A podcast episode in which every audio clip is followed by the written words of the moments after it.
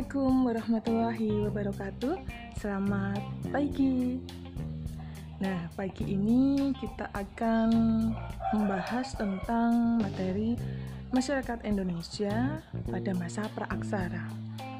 Nah, jika kalian lihat di buku, dari kata praaksara sendiri itu memiliki arti sebelum ada tulisan, yaitu terdiri dari dua, pra. Sebelum kemudian ada aksara yang berarti tulisan. Jadi kalau disimpulkan praaksara dikenal sebagai suatu zaman ketika manusia itu belum mengenal tulisan. Praaksara sendiri memiliki kesamaan arti dengan kata bahasa Sanskerta yakni nirleka. Nah nirleka berasal dari kata nir yang artinya sebelum dan leka yang artinya tulisan.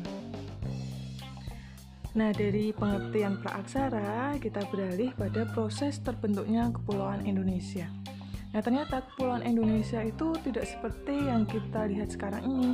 Zaman dulu Kepulauan Indonesia jauh berbeda dengan bentuk pulau-pulau yang sekarang kita lihat atau pulau-pulau yang mungkin sekarang dituliskan di dalam peta atau digambarkan di dalam peta itu sangat jauh sekali berbeda. Nah, kira-kira proses terbentuknya itu seperti apa? Yang pertama, bumi yang kita tempati sekarang itu sudah mengalami proses evaluasi jutaan tahun lamanya. Sebelumnya, bumi itu hanyalah sebuah tempat tanpa kehidupan. Nah, periodisasi terbentuknya bumi kita bisa lihat dari mulai bumi itu tidak dihuni sampai dihuni oleh sebagian kecil makhluk hidup. Nah, periodisasinya atau urutannya itu bagaimana? Nah, kita simak berikutnya. Yang pertama, itu ada masa yang dinamakan arkaikum atau azoikum. Nah, jadi masa arkoikum atau zoikum ini bumi masih seperti bola panas.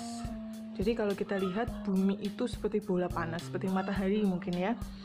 Dengan suhu yang sangat tinggi sekali.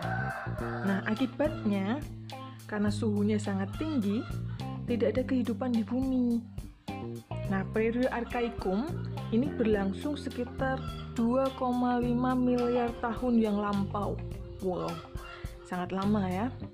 Kemudian yang kedua, ya, periode yang kedua setelah masa Arkaikum itu ada yang disebut sebagai masa Paleozoikum. Nah, jadi pada masa Paleozoikum ini suhu bumi sudah mulai turun, tetapi masih belum stabil, masih berubah-ubah. Nah, pada masa Paleozoikum ini sudah terjadi curah hujan yang cukup tinggi. Jadi sangat berbeda ya dengan masa sebelumnya.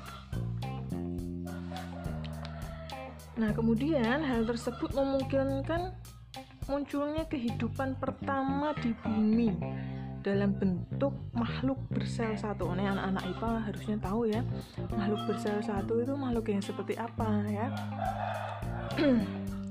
seperti mikroorganisme. Nah, itu adalah makhluk-makhluk contoh makhluk yang bersel satu periode ini ya Paleozoikum ini berlangsung sekitar 500 sampai 245 juta tahun yang lalu. Kemudian setelah masa Paleozoikum dilanjutkan dengan masa Mesozoikum. Pada masa Mesozoikum ini suhu bumi sudah mulai semakin stabil flora dan fauna sudah mulai muncul. Nah, bahkan makhluk-makhluk raksasa yang kita sebut sebagai dinosaurus pun itu sudah mulai bermunculan. Nah, jenis makhluk yang muncul antara lain ya kita sebut sebagai jenis amfibi, kemudian ada mamalia dan reptil. Periode Mesozoikum ini Nah, berlangsung sekitar 245 sampai 65 juta tahun yang lalu. Kemudian setelah masa Mesozoikum ini, ya, Dilanjutkan dengan masa yang disebut Neozoikum.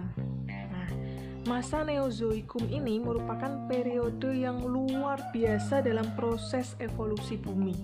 Kenapa kita sebut evolusi? Ya, karena perubahan bumi yang sangat lama, yang membutuhkan waktu yang sangat lama sampai jutaan tahun. Kehidupan di bumi pada masa Neozoikum ini ya semakin beragam dan makhluk-makhluk raksasa sudah semakin berkurang ya. Masa Neozoikum berlangsung sekitar 60 juta tahun yang lalu. Pada masa Neozoikum sendiri ini dibagi menjadi beberapa tahap.